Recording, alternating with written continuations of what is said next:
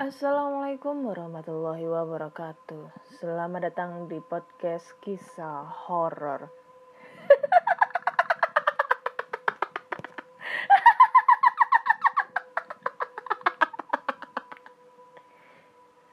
Masih bersama dengan Ana di sini yang akan membacakan cerita horor yang sudah dikirimkan teman-teman melalui podcast kisah horor at gmail.com ataupun di DM Instagram podcast kisah horor dan DM Instagram Ana Olive. Hmm.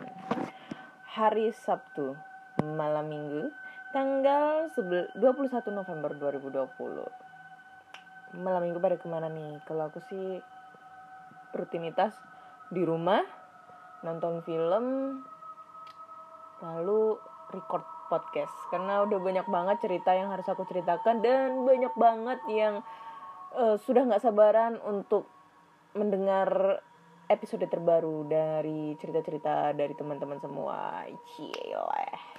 tapi bisa juga sih pada saat malam mingguan juga pada ngedengerin juga podcast kisah horor gitu sambil pacarnya gitu kan sambil sambil dengerin atau mungkin pas waktu nongkrong bareng bisa sambil dengerin atau mungkin pas pada saat waktu nongkrong sama teman-teman itu temanya kebetulan dengerin uh, lagi cerita-cerita horor terus kebetulan dengerin podcast kisah horor. Wih, mantap, mamen. Hah. Banyak yang bilang, "Karena malam Minggu ke mana, Kak?" Ya, aku malam Minggu di sini aja nemenin kalian gitu, ye. Oke, okay, tanpa basa-basi lagi kita langsung aja bacakan ceritanya karena udah banyak banget cerita-cerita yang harus aku bacakan email masuk DM masuk uh udah banyak banget huh. jadi aku bingung harus memulai dari mana mantap. Oke. Okay. langsung aja kita bacakan ceritanya. Cerita pertama datang dari DM Instagram. Namanya Huncai ya namanya Huncai nama DM Instagramnya. Cus kita langsung bacakan ya ceritanya. Ini baru banget dia baru kirim ceritanya tadi sore dan ada ilustrasi gambarnya nanti aku ilustrasi gambarnya aku kirim lewat feed Instagram ya oke sosok hantu di kamar mandi kampus yang pernah aku lihat dan aku ilustrasikan seperti ini. Sosok ini aku lihat ketika aku lembur di kampus sekitar tahun 2011. Waktu itu aku sedang nyelesain tugas mata kuliah lukis. Kalau malam hari, studio lukis di kampusku itu serem banget. Banyak kejadian-kejadian aneh yang dialami oleh anak-anak seni rupa di sana.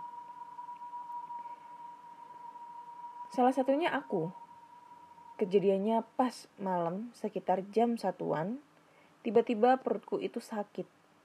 Terus aku ke WC dong. Nah, di WC itu ada dua bilik. Bilik yang satu itu pas eh, kesannya itu kosong gitu. Nah, pas aku buang air besar, aku dengar suara anak kecil nangis. Awalnya aku ya cuek aja.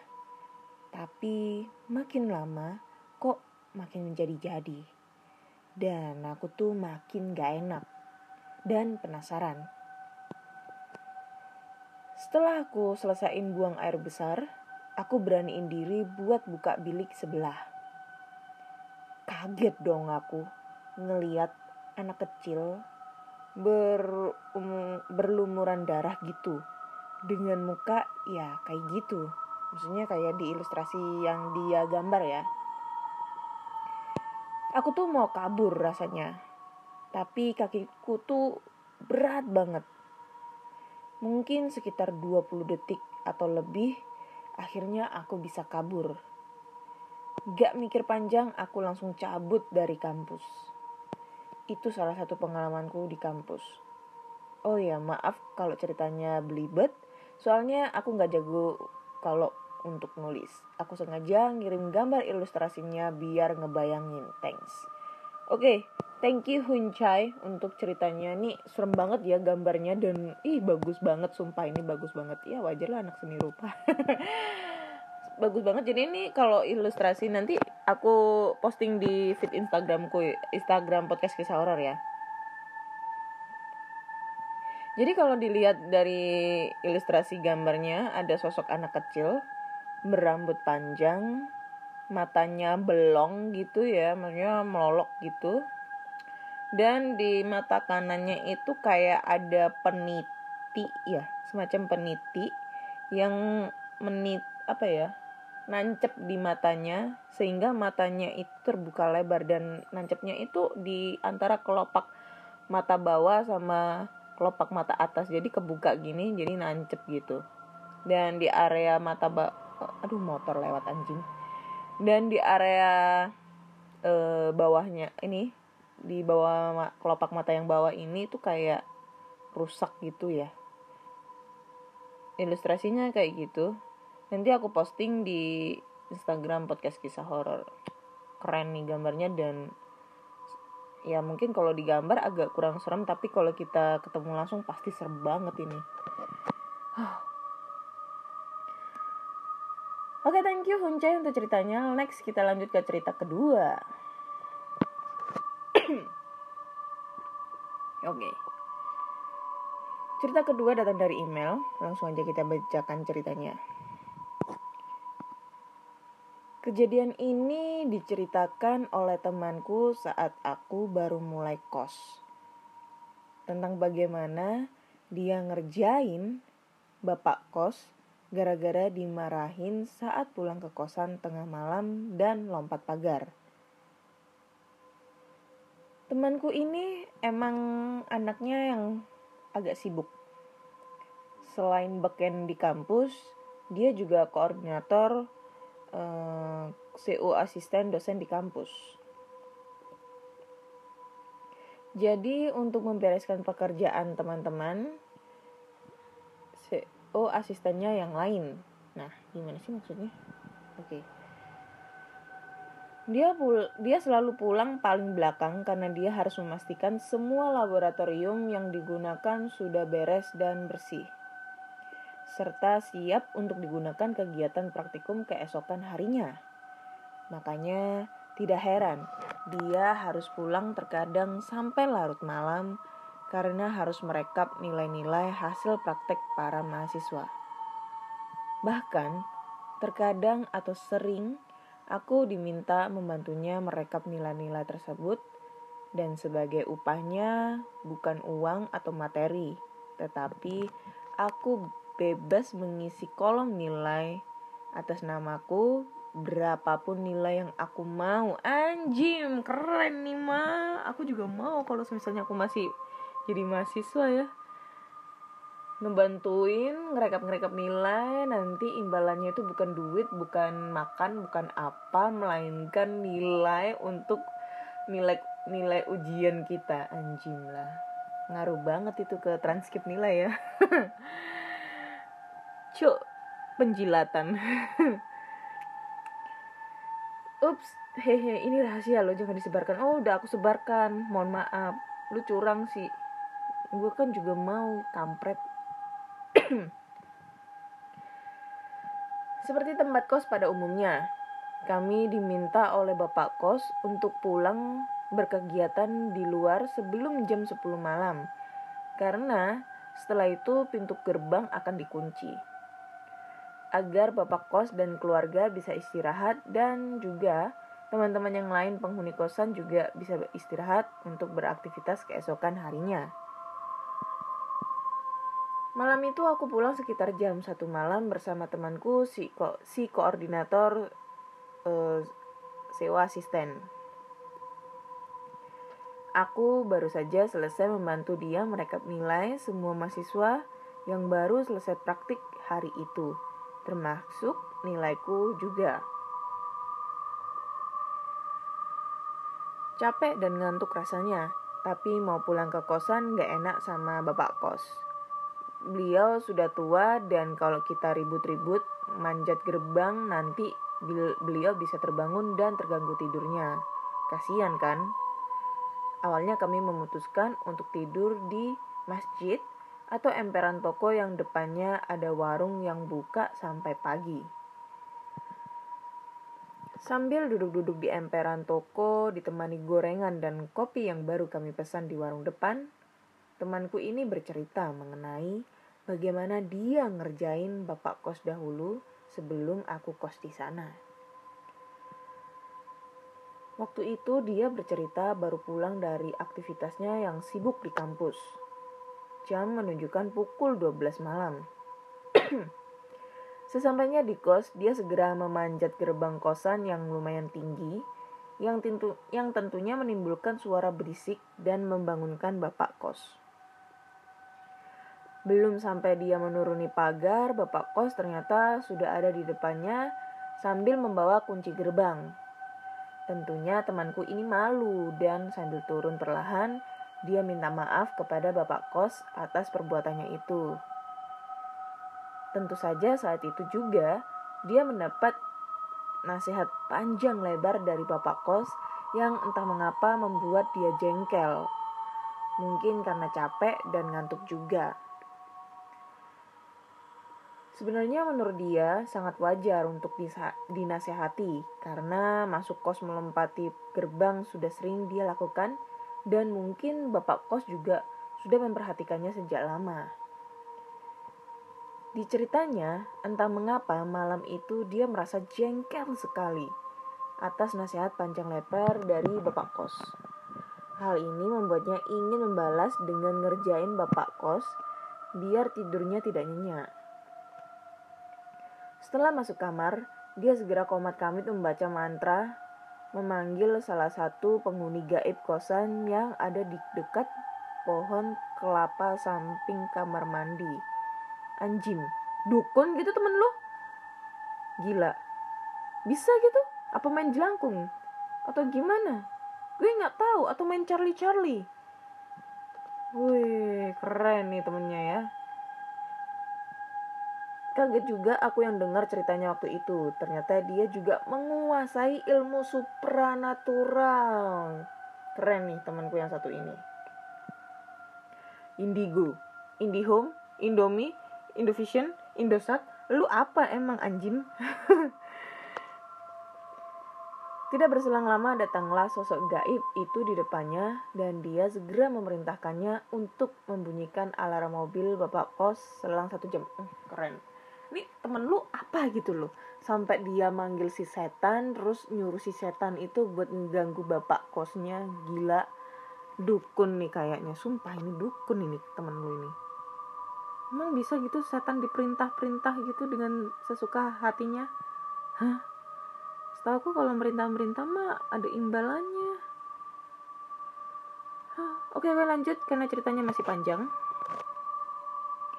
Si Gaib pun menyanggupinya dan segera setelah itu tiba-tiba alarm mobil bapak kos berbunyi. Segera saja, bapak kos keluar membawa remote untuk mematikan alarm itu. Tetapi selang satu jam kemudian kembali alarm itu berbunyi dan bapak kos segera pula keluar untuk mematikannya. Namun kejadian itu kembali berulang sampai azan subuh tiba.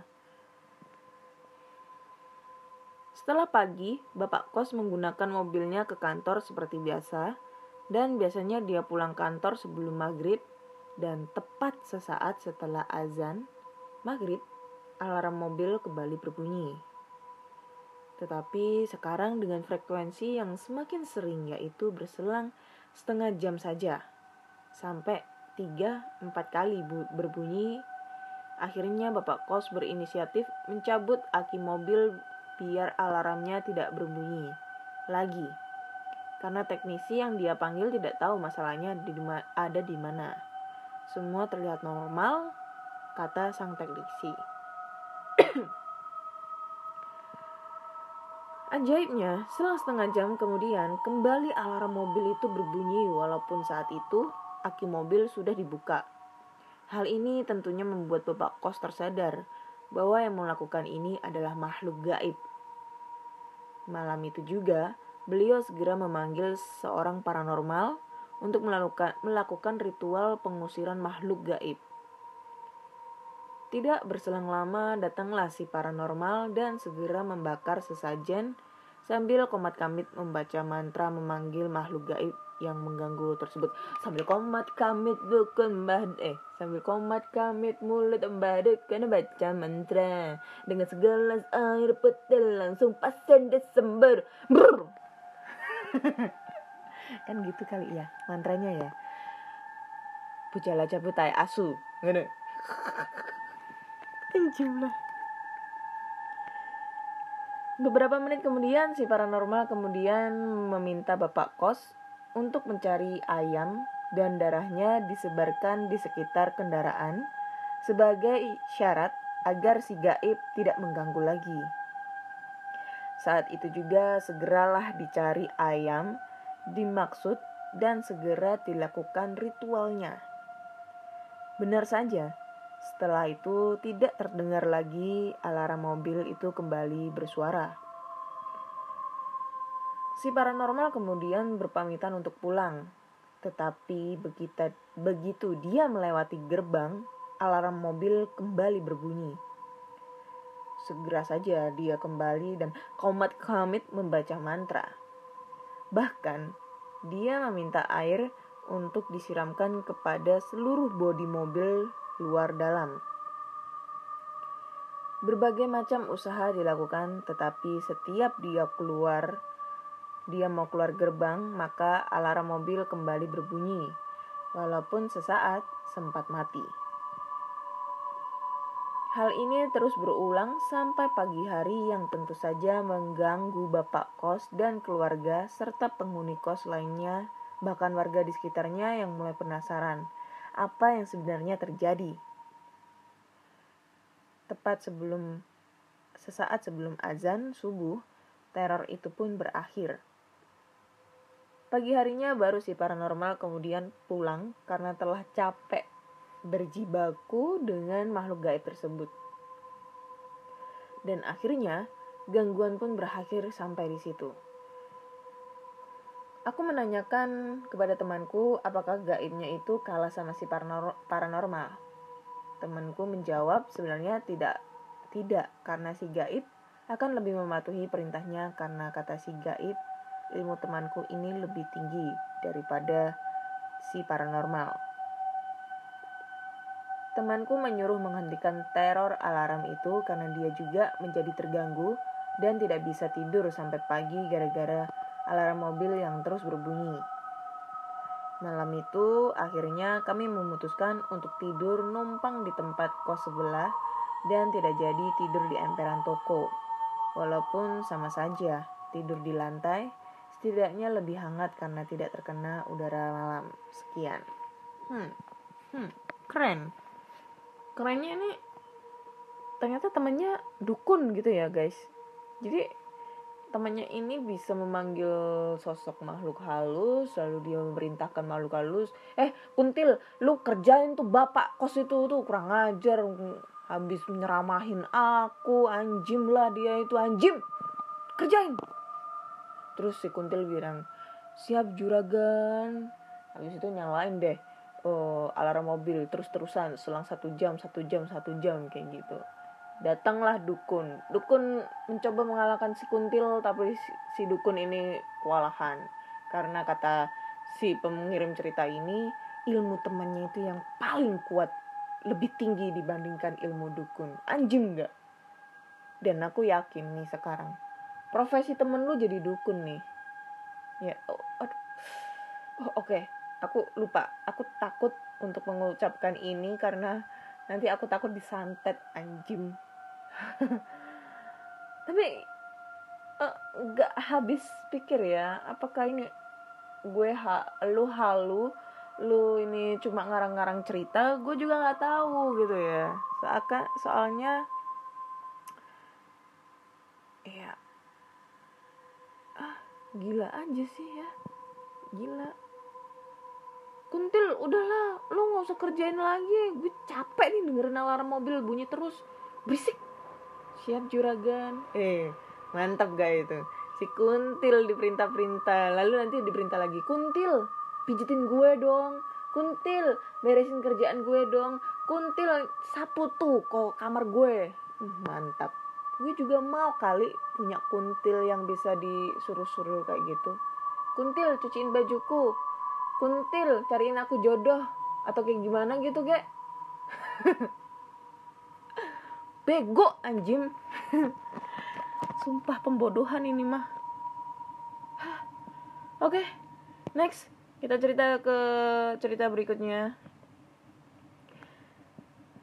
Cerita berikutnya datang dari email lagi kita bacakan. Halo kak Ana halo juga.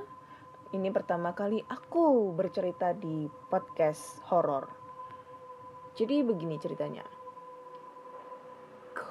motor lewat terus ya kejadian ini sudah 6 sampai 7 bulan yang lalu di saat saya bersama teman-teman saya yang berjumlah enam orang termasuk saya sendiri ingin beruji nyali di sebuah lahan kosong yang banyak sekali pohonnya. Ya, sekitar jam 9 malam saya berangkat menuju lokasi itu. Sekitar setengah 10, saya sampai di lokasi dengan menggunakan motor. Sesampainya di lokasi, saya dan teman langsung mengucapkan salam. Dan tidak lupa membaca doa, dan salah satu teman saya membawa khodamnya yang bisa saya tebak adalah macan. Aing macan, aing macan. Anjir, motor berisik.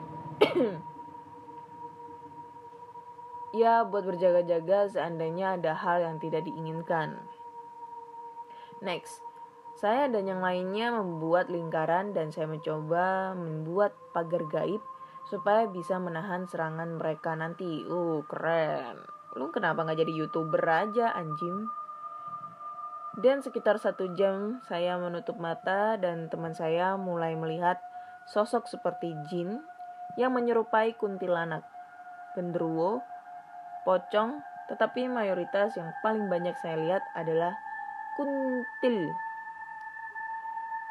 Sekiranya mereka mendekat, tetapi tidak ada yang bisa menembus dinding pagar gaib yang saya buat. Oh mantap keren nih dan salah satu teman saya sudah tidak tidak kuat lagi menahan khodamnya karena ditantang oleh genderuwo yang menung, menunggui pohon kapuk yang ada di lahan kosong itu.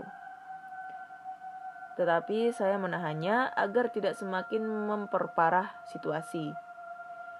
Untung saja dia bisa mengendalikannya agar tidak mengeluarkan khodamnya itu. Tetapi suara kuntilanak tertawa, menangis, dan genderuwo yang yang semakin marah karena tidak suka kedatangan kami. Apa daya, dinding gaib perlahan mulai jebol karena saya benar-benar tidak kuat menahan serangan makhluk itu yang semakin lama semakin ramai. Akhirnya saya menyudahkannya karena salah satu teman saya merasa pundaknya pegal. Ya, saya tahu karena ditemploki sosok jin yang menyerupai anak kecil dan saya langsung menyabet tasbih ke badan teman saya tiga kali. Jin itu akhirnya pergi juga. Sungguh pengalaman yang membuat saya sedikit ngeri karena saya melihat banyak sekali jin yang wajahnya hancur. Sehancur-hancurnya dan bau amis dan juga sangat busuk. Sekitar 11 malam kami menyudahi karena saya mulai lelah. Sesampainya kami ingin pulang, sosok gendruwo malah menantang teman saya lagi. Apa daya, kodam dia keluar dan berkelahi dengan gendruwo itu. Uh, keren, anjing. Terpaksa saya membantunya dan makin banyak juga yang membantu gendruwo itu. Wow, perang coy. War, war, war. Akhirnya saya kewalahan dan teman saya pingsan akibat mendapat pukulan, aduh, pukulan tenaga dalam, anjir, dari genderuwo itu. Terpaksa kami menggotongnya dan pergi dari situ secepatnya karena penghuninya semakin ramai datang. Aduh. Uh, kalau cerita yang satu ini aku nggak bisa berkata apa-apa karena ini mungkin sudah pro banget dari uh, temennya si ini yang cerita sebelumnya yang dia asisten dosen itu ini ilmunya udah pro banget sampai dia sampai dia bisa bertengkar oh, war sama genderuwo gila. Tapi lu sebenarnya kalau pengen war menang itu mending panggil si ini deh. Si ko asisten ini deh. Dengan sekali menjadikan tangan jari si gendro itu bakal tunduk sama si ko asisten ini. Hei wawa lu gak usah nantang gue ya. Gue di sini adalah penguasanya. Inget lu. Terus si Wawa bilang ampun bang jago. Ampun bang jago. Sorry bang jago. Ampun bang jago.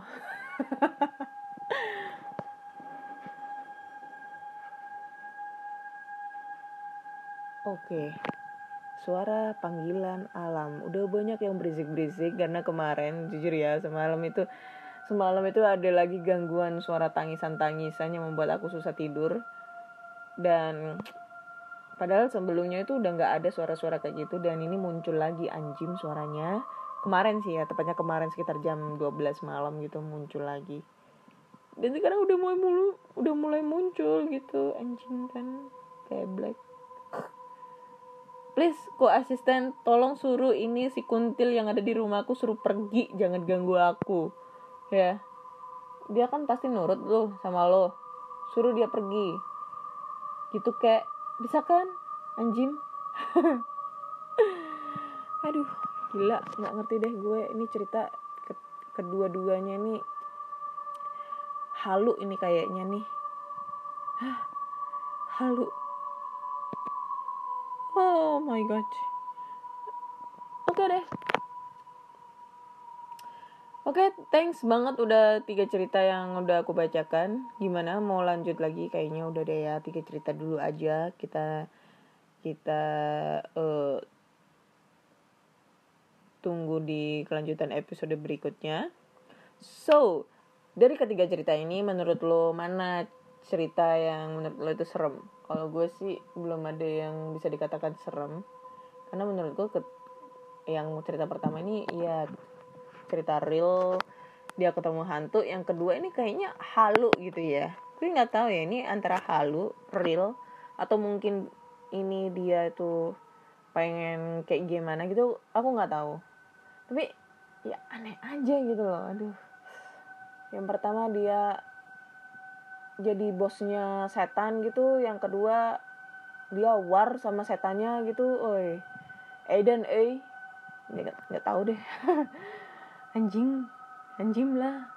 Tuh kayaknya lu kalau jadi youtuber tuh keren tuh. Curhat sama si kuntilnya itu. Kalau yang kan ada tuh youtuber yang curhat sama kuntil tapi itu kan settingan. Nah lu kan gak settingan tuh lu bisa merintah tuh si kuntil.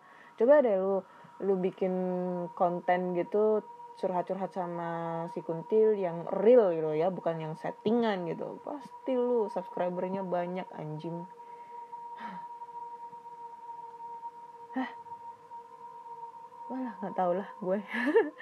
Oke, okay, thank you banget buat teman-teman semua yang sudah mendengarkan podcast kisah horor. Ya, sorry banget kalau cerita kali ini agak kurang begitu serem. Uh, ya mengisi waktu di malam minggu kalian, yeah, mantap kan? Setidaknya menemani kalian di malam minggu. So, bagi kalian yang mempunyai cerita horor, entah itu pengalaman dari kalian sendiri, kakak, adik, ayah, ibu, kakek, nenek, saudara, tetangga, pacar sendiri, ataupun orang-orang di sekitar kalian, kalian bisa langsung aja kirim ceritanya ke podcast kisah horor at gmail.com ataupun di DM Instagram podcast kisah horor dan DM Instagram Ana Olive. Dan podcast kisah horor ini bisa langsung didengarkan melalui Spotify, Google Podcast, Apple Podcast, ataupun di Anchor. Jangan lupa klik tombol follow agar kalian selalu update tentang cerita horor terbaru. Dan nantikan cerita horor berikutnya. Aku lagi menunggu cerita-cerita yang sangat horor untuk di, dinikmati semua teman horor. Oke? Okay? Thank you kalian semua. Selamat bermalam minggu dan selamat malam.